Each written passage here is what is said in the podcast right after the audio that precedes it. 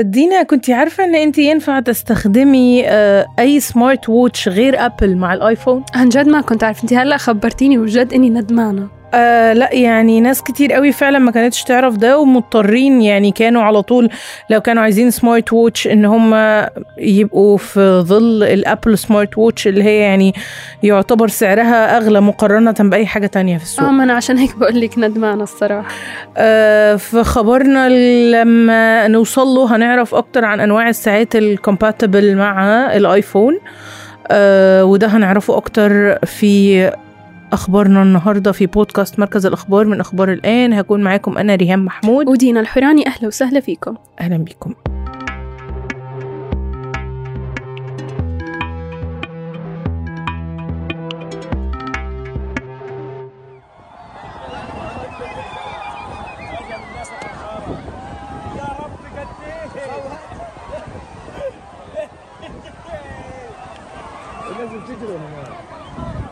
فأول أخبارنا عندنا إن ست طيارات عسكرية بينهم ثلاثة أردنية وواحدة إماراتية وواحدة مصرية وواحدة فرنسية قاموا بإنزال مساعدات في غزة. وأعلن الجيش الأردني أنه ست طائرات عسكرية بينها ثلاثة أردنية والأخرى إماراتية ومصرية وفرنسية قامت بإنزال مساعدات في غزة في عملية شارك فيها العاهل الأردني الملك عبد الله الثاني شخصيا. وقال الجيش في بيان أن الطائرات وهي من نوع C-130 أقلعت من عمان الثلاثاء لإنزال المساعدات الإنسانية الهادفة إلى تخفيف إلى التخفيف عن أهالي القطاع ضمن جهد دولي بمشاركة دول شقيقة وصديقة. وأوضح بيان الجيش أن مشاركة الملك بتأتي تأكيدا على استمرار الأردن في الوقوف لجانب الأشقاء الفلسطينيين لإيصال المساعدات بكل الطرق المتاحة لأهالي غزة. والبيان أشار كمان لأن الهدف هو إيصال المساعدات للسكان مباشرة بإسقاطها على الساحل بدون أجهزة توجيه للمظلات آه، بينما تحلق الطائرات على ارتفاع منخفض. والمساعدات تضمنت مواد إغاثية غذائية من ضمنها وجبات جاهزة عالية القيمة الغذائية وخصصت إحدى الطائرات للمستشفى الميداني الأردني الخاص آه، اتنين في جنوب قطاع غزة واللي بيعاني من نقص حاد في المواد الأساسية وجرى إمداده بالمواد الإغاثية والطبية والمستلزمات الصحية والوقود. وأكد العاهل الأردني الثلاثاء خلال استقباله, استقباله مديرة الوكالة الأمريكية للتنمية الدولية سامانثا باور في عمان آه، على ضرورة مضاعفة المساعدات الإنسانية إلى غزة وضمان إيصالها واستدامتها للحد من من تفا من تفاقم الوضع الإنساني الكارثي في القطاع مشددا على ضرورة تحرك المجتمع الدولي بشكل فوري بهذا الشأن. وعن حرب غزة برضو بس بعيدا عن الشرق الأوسط عندنا أن وزير الثقافة الإيطالي ندد برسالة مفتوحة وقعها آلاف الفنانين والمهندسين المعماريين وأمناء المعارض طلبوا فيها قائمين على بينالي البندقية للفنون باستبعاد إسرائيل من نسخته آه، 2024 واستندت آه، المجموعة اللي بادرت بالرسالة بالقرار اللي اتخذته قبل عامين بينالي آه، وهي إحدى المؤسسات الثقافية الرئيسية في إيطاليا بحظر مشاركة أي شخص على علاقة بالحكومة الروسية تنديدا بغزو موسكو للأراضي الأوكرانية. وكمان أكدت ريهام الرسالة التي وقعها أكثر من 12500 شخص آه، أن بينالي التزمت الصمت في شأن الفظائع التي ترتكبها إسرائيل ضد الفلسطينيين مضيفة آه، مضيفة نشعر بالإستياء من ازدواجية المعايير هذه. وأضافت الرسالة إن أي تمثيل رسمي لإسرائيل في الساحة الثقافية الدولية يعد بمثابة آه، تأييد لسياستها والإبادة الجماعية التي ترتكب ترتكبها في غزة. ودان وزير الثقافة الإيطالي آه، جينارو آه، الرسالة غير المقبولة والمخزية التي تهدد حرية الفكر والإبداع. يعني طبعا ازدواجية معايير لا حدود لها. يعني. ماشي. آه، فخبرنا اللي بعد كده عندنا إن آه، أوكرانيا اتهمت روسيا بشن حملة تضليل إعلامي واسعة النطاق لبث الشقاق بين حلفائها الغربيين وإثارة الذعر بين سكانها وتزايد شعور كييف بالإحباط مؤخرا آه، بعد عرقلة إمدادها بالمساعدات من الدول الغربية وخسارتها لمناطق شاسعة آه، قد- قدام روسيا بسبب معاناة قوتها من نقص الذخائر.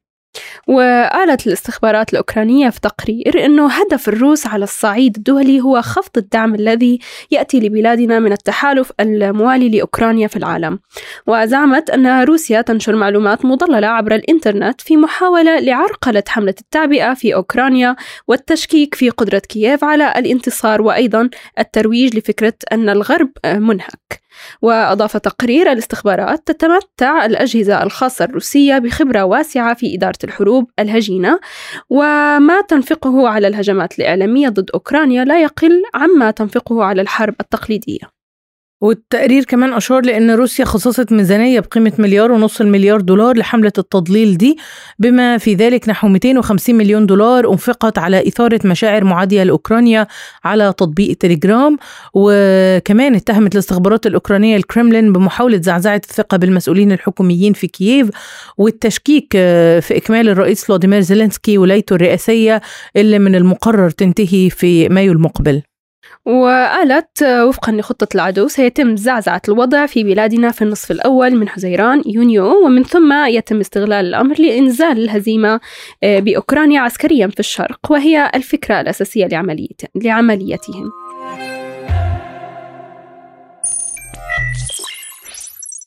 في آخر أخبارنا هيكون عن السمارت ووتشز وزي ما كنا قلنا إن لو آه، حد معاه ال iPhone مش ومحتاج smart watch مش محتاج يجيب ساعة Apple آه، ففي ساعات كتير بأسعار أقل وإمكانيات أوسع وبالطبع يعني بالطبع عمر بطارية أطول. آه، من أبرز الساعات اللي تعتبر بديلة لل Apple smart watch Garmin Venu 3 وهي بتنافس آه، قدام Apple Watch Series 9 اللي هي اللي هم أصلا بيستهدفوا بشكل خاص عشاق الرياضة والصحة.